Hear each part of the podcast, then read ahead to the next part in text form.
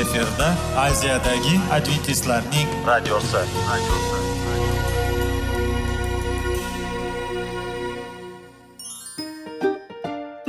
Assalomu alaykum aziz radio tinglovchilar. Sog'liq daqiqasi rubrikasiga xush kelibsiz. Zero tananing sog'lom bo'lishi va uning kasalliklardan saqlash har bir insonning burchi hisoblanadi. Inson uchun bebaho boylik bu sog'liq salomatlikdir. Uni asrash esa har birimizga omonat qilib berilgan. Shuning uchun ham inson o'z sog'lig'ini ehtiyot qilishi voajib amallardan hisoblanadi. Dono xalqimiz sog'liq tuman boylik deb bejiz aytmagan. Aql idroq sohibi bo'lgan inson o'z hayotini qadrlashi lozim bo'ladi.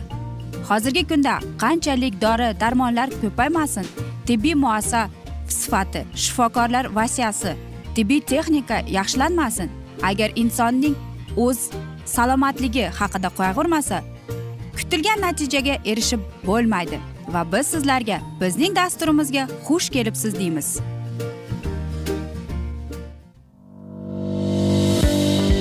Sog'liq daqiqasi soliqning kaliti qiziqarli ma'lumotlar faktlar. Har kuni siz uchun foydali maslahatlar. Sog'liq daqiqasi rubrikasi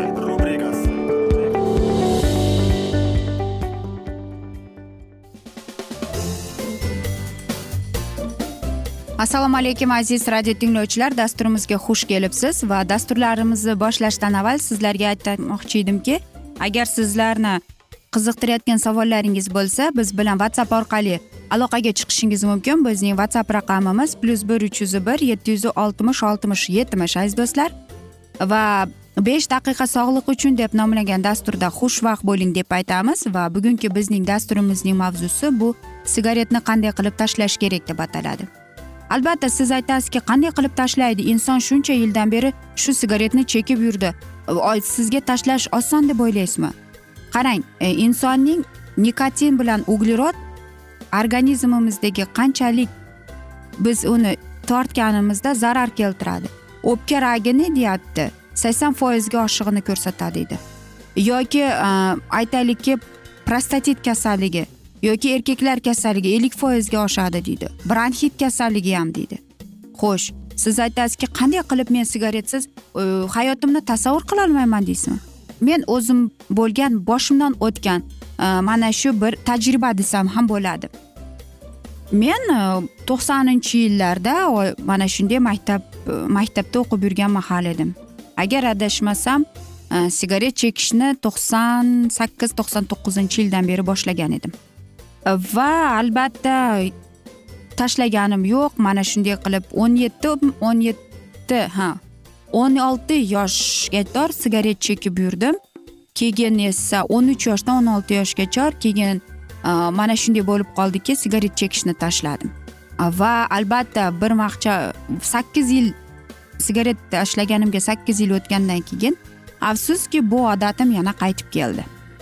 Va e, bir ikki yil deganda man yana sigaret chekib yurdim va qanday qilib tashlashimni men hattoki xayolimga ham keltirmadim to'g'risi. E, o'ylardimki bunga muhtojligim yo'q deb. Va qarangki shunday bo'ldiki e, bir kuni bir insonni uchratib qolganman rossiyadaligimda. Va shunday bo'lib qoldiki u inson bilan gaplashganimda unda o'pka kasalligi borligini. Nega shunday bo'ldi desam bir necha yil deydi o'ttiz yildan ortiqmi sigaret chekib yurganman mana oxir oqibat deydi.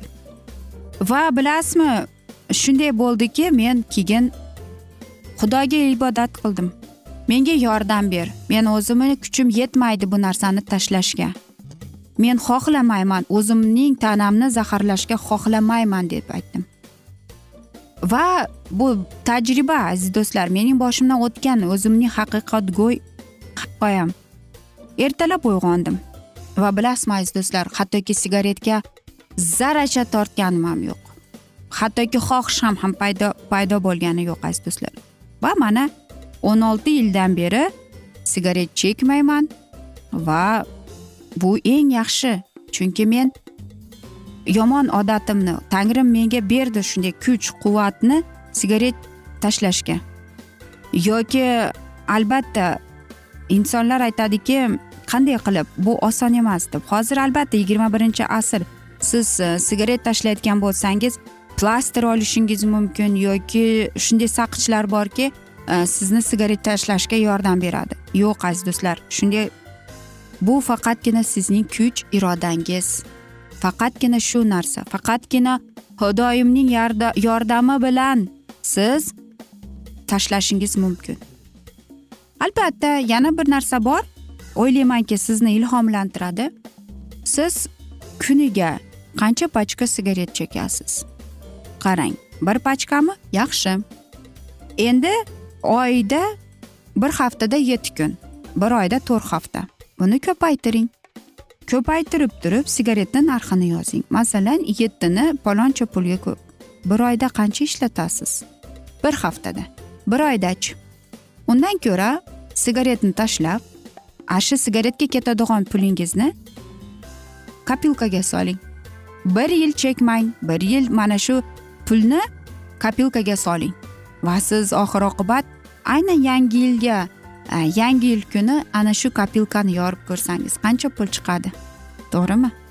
Mana bir inson bir yil sigaret chekmagan u tashlayman deb shunday umid qilgan. Va sigaretga ishlatadigan pulini u to'plagan.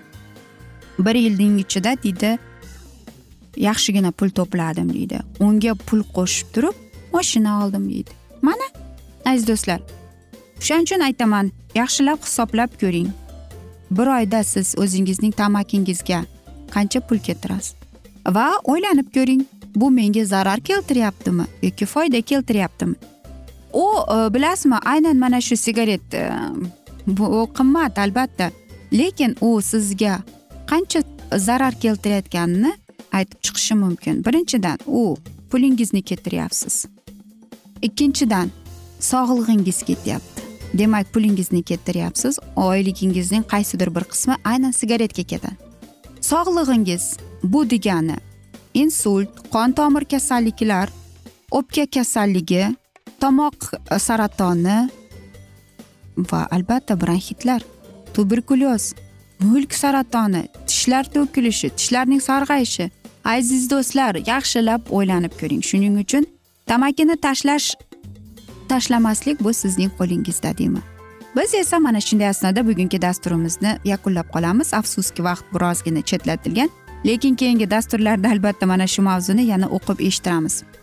O'ylaymanki sizlarda savollar tug'ilgan. Agar shunday bo'lsa sizlarni salomat klub internet saytimizga taklif qilib qolamiz yoki whatsapp orqali bizga murojaat etsangiz bo'ladi. Bizning whatsapp raqamimiz plyus bir uch yuz bir yetti yuz oltmish oltmish yetmish aziz do'stlar. Umid qilaman bizni tark etmaysiz deb chunki oldinda bundanda qiziq va foydali dasturlar kutib kelmoqda deymiz.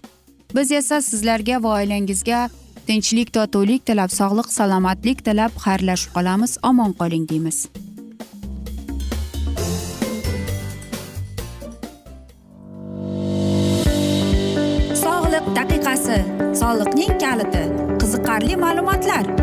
Faktlar har kuni siz uchun foydali maslahatlar.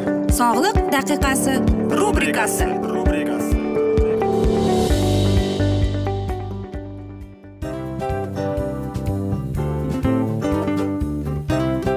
Mana ha hayotda hamma narsaning yaxshi narsalar tugaydi va yakunlaydi degandek bizning dasturimizga ham yakun keldi.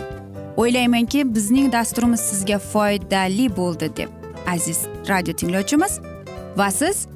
O'zingiz uchun kerakli xulosalar kerakli maslahatlar olib oldingiz. Aziz radio tinglovchimiz biz bilan qoling va keyingi dasturlarimiz albatta undanda qiziqroq bo'ladi. Mana shu alfozda sizlar bilan xayrlashib qolaman.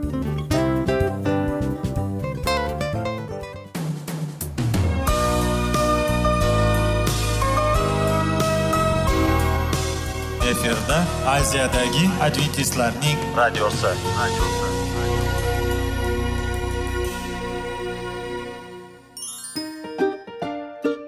Assalomu alaykum aziz radio tinglovchilarimiz. Dil izhori dasturimizga xush kelibsiz. Pul insonni baxtli qiladimi? Albatta yo'q. Sog'liqchi? Albatta bo'lishi mumkindir. Lekin olimlar shuni isbotlashdiki to'liq va mukammal munosabatlar insonlarni baxtli qilar ekan. Albatta biz hayot davomida biz yaqin insonlar bilan odamlar bilan aloqada bo'lamiz va ular bilan munosabatlarimiz qanday kechadi qanday tuziladi? Yigit va qiz er va xotin ota ona va farzandlar va yaqin insonlar bilan. Balkim hozirgi vaqtda kimnidir hayoti yoki munosabatlari buzilyapti. Va bizning dasturlarimiz ularga yordam bo'ladi deb. Va oldinda sizlarni qiziqarli intervyular va mavzular kutyapti va biz umid qilamizki siz biz bilan qolasiz deb.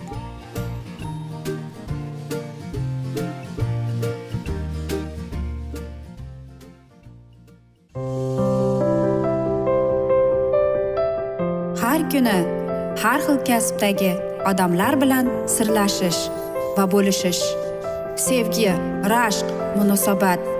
Bularni hammasi dil izhori rubrikasida.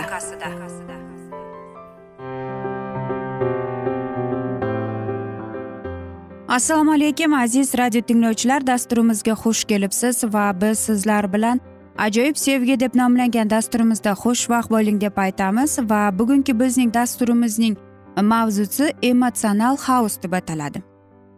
Bu holat aytaylikki g'azab bilan kelib chiqar ekan va qayg'u bilan deydi.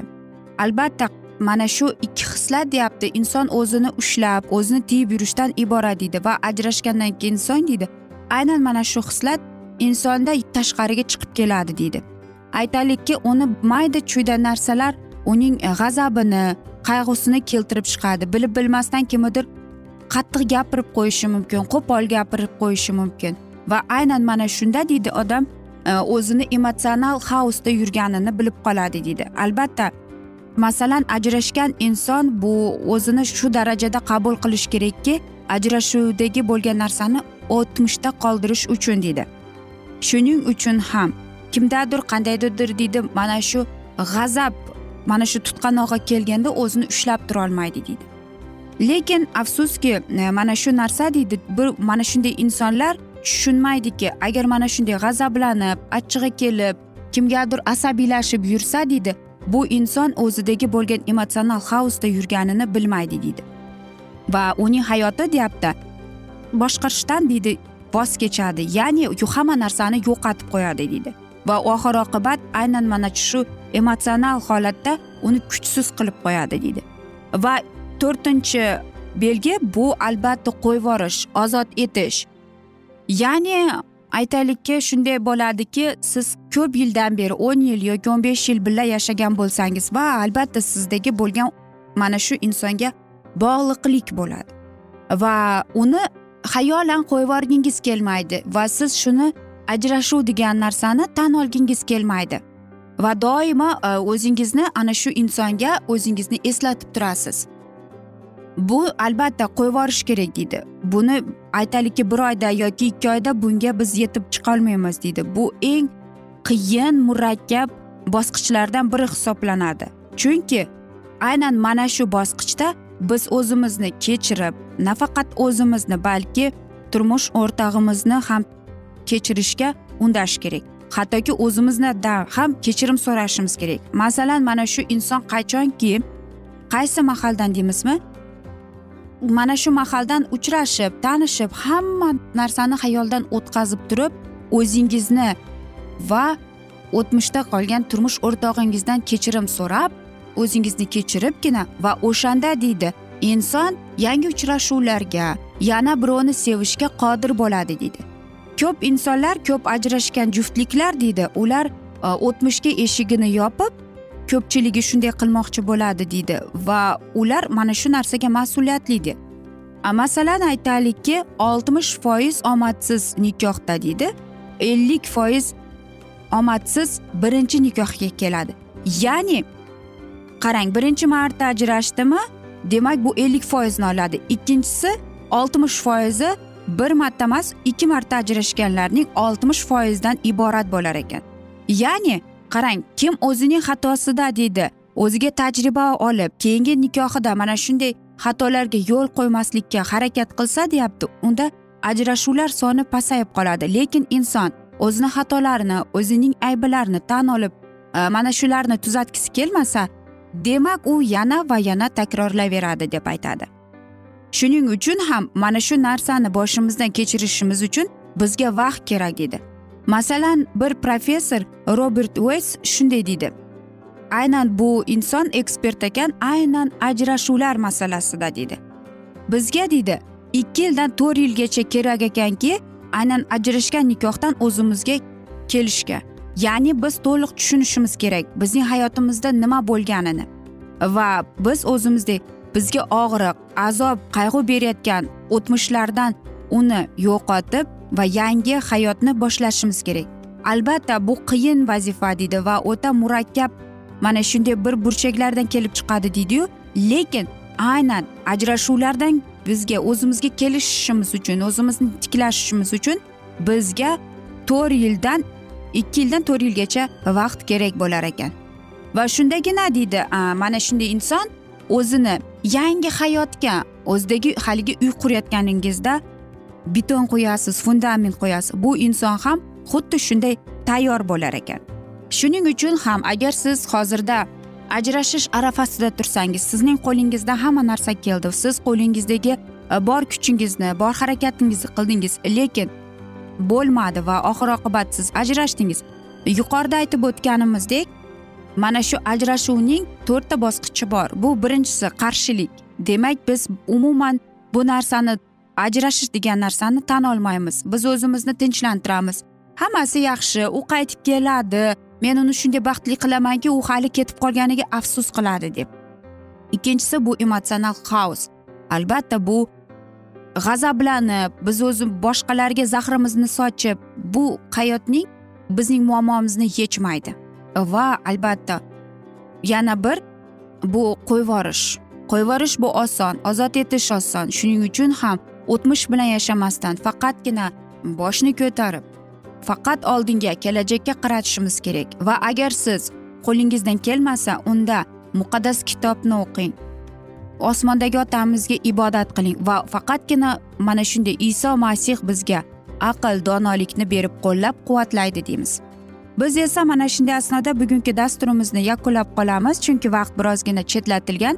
Lekin keyingi dasturlarda albatta mana shu mavzuni yana o'qib eshittiramiz. Va umid qilamanki bizni tark etmaysiz chunki oldinda bundanda qiziq bundanda foydali dasturlar kutib kelmoqda deymiz. Biz esa sizlar bilan xayrlashar ekanmiz. Sizga va yaqinlaringizga sog'lik salomatlik tilab seving seviling deb xayrlashib qolamiz.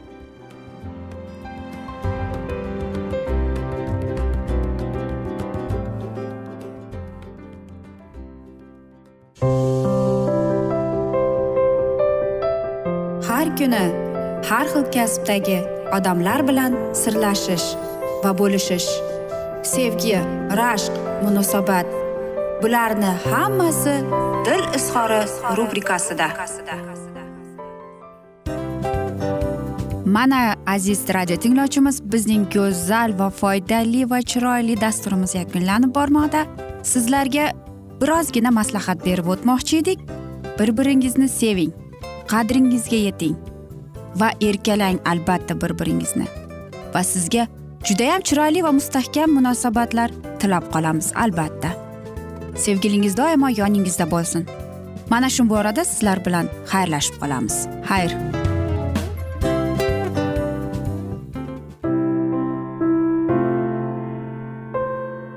Hayotning noni qiziqtirgan savollar va javoblar. Buning hammasi ko'ngil uchun oziqa rubrikasida.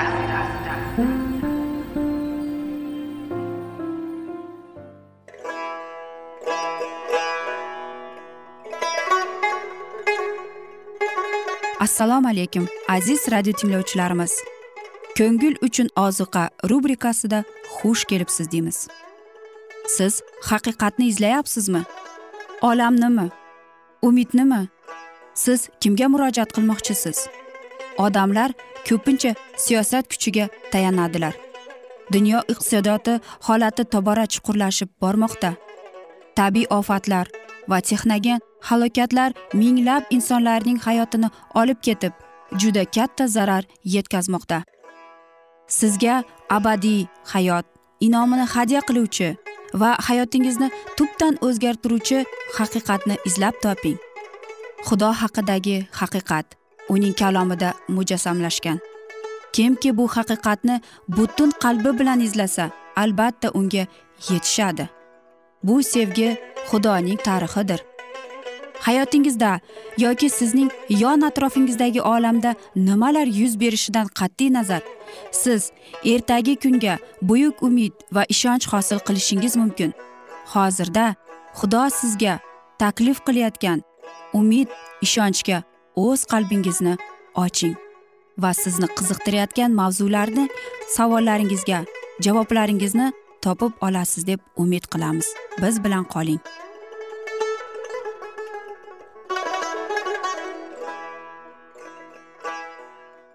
Assalomu alaykum aziz radio tinglovchilar. Dasturimizga xush kelibsiz va biz sizlar bilan ulug' otalar va payg'ambarlar deb nomlangan dasturimizda xushvaqt bo'ling deb aytamiz.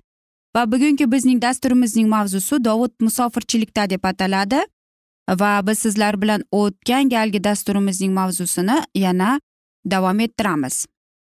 Xo'sh dovudni o'ldirish maqsadida shovul uni kuzatib tursada ammo xudo dovud bilan e, bo'lganini tushungach dovul undan qo'rqa boshladi.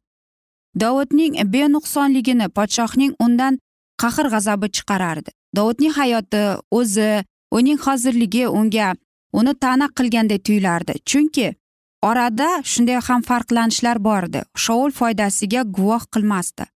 Rash hasad shoulning yuragini qoplab olgan edi. Hobilning ishlari solih edi va xudo uni barakali qildi. Akasining ishlari qabih edi va xudo uni inoyatga sazovor qila olmadi. Rashq hasad mag'rurlikning samarasidir.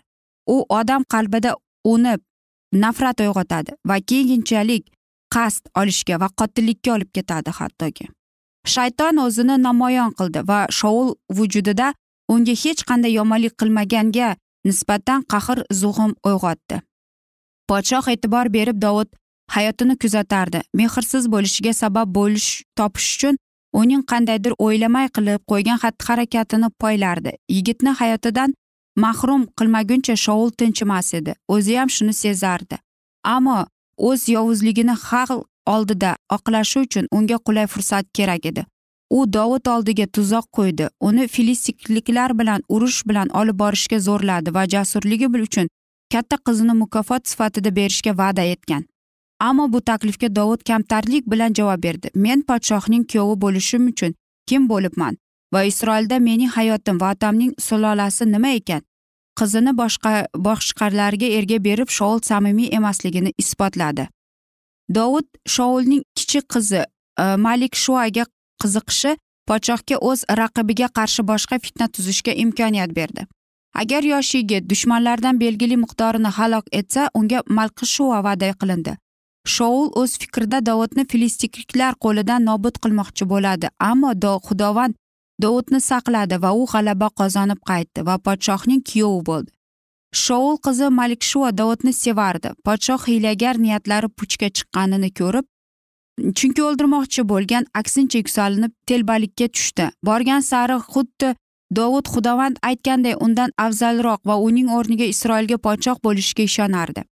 Nihoyat yuzini ochib u yonatan va dargohning xizmatkorlariga nafratini uyg'otgan raqibini o'ldirishga buyurdi.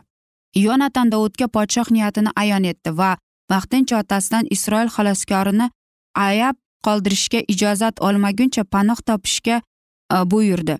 O'zi esa ota huzuriga kelib dovudning qilgan ishlarini butun millatining nomusini va hayotini qutqarganini eslatdi.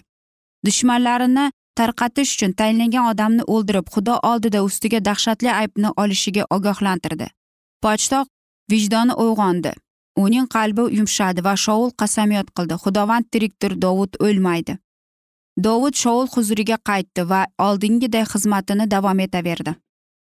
Isroilliklar va filistikliklar aro yana urush boshlandi va dovud o'z askarlarini dushmanga qarshi olib chiqdi. Yahudiylar g'olib chiqdilar va xalq dovudning donoligi va botirligini madh etardi. Yana shoulning nafrati uyg'ondi. Bir kun yosh yigit podshohning oldida o'ynab gijak shoulni qattiq zug'um qurshab oldi. U nayzani olib dovudga irg'itdi. Sazandani devorga yopishtirishmoqchi bo'ldi. Ammo xudovandning farishtasi nobud qiladigan qurolni qaytardi. Dovud xalos bo'lib uyiga qochib ketdi. Shoul odamlarini yubordi va dovud ertalab uyidan chiqqanida o'ldirilsin deb buyurildi. Malkishu otasining niyatini dovudga yetkazdi unga bekinishga yolvordi qochishga imkoniyati berib derazadan ochib oshib tushishga yordamlashdi. U shomoil oldiga ramaga yo'l oldi va podshoh g'azabidan qo'rqmaydigan payg'ambar qochoqni o'zida qoldirdi. Podshoh nargohiga nisbatan shamoilning uyi naqadar tinch orombaxsh maskan edi. Ushbu joyda tepaliklar aro xudoning xizmatkori o'z ishini davom etdi. Uning bilan payg'ambar yashar edi. Ular ilohiy irodaga yetishib ehtirom bilan shamoilning nasihat so'zlariga quloq solishardi. Isroil xalqining ustozidan naqadar qimmatbaho saboqlarni dovud oldi. U o'ylardiki shoul lashkari ushbu muqaddas joyga oyoq bosmaydi deb ammo aqlini yo'qotgan mushkul ahvolga tushgan podshohga hech bir narsa aziz emas edi. Dovud va shamoilning munosabati uning rashqini uyg'otdi. Isroilda ilohiy payg'ambar sifatida hurmat qilingan va o'z ta'siriga munosib bo'lgan podshoh raqamining yuksalishiga yordamlashar emasmidi?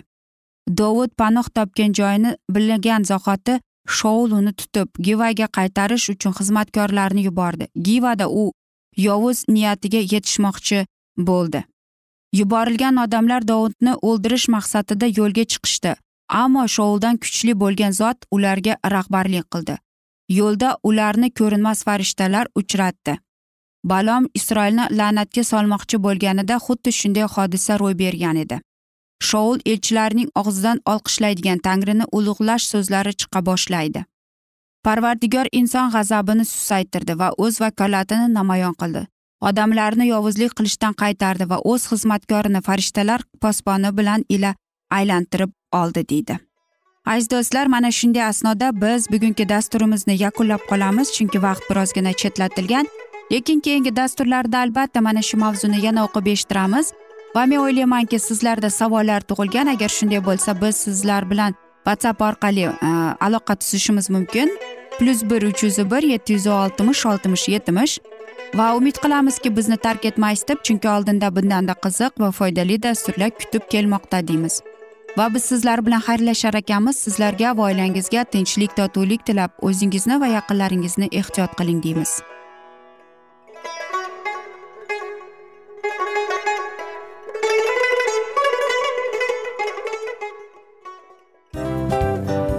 Mana aziz radio tinglovchimiz hamma yaxshi narsaning yakuni bo'ladi degandek bizning ham dasturlarimiz yakunlanib qolmoqda.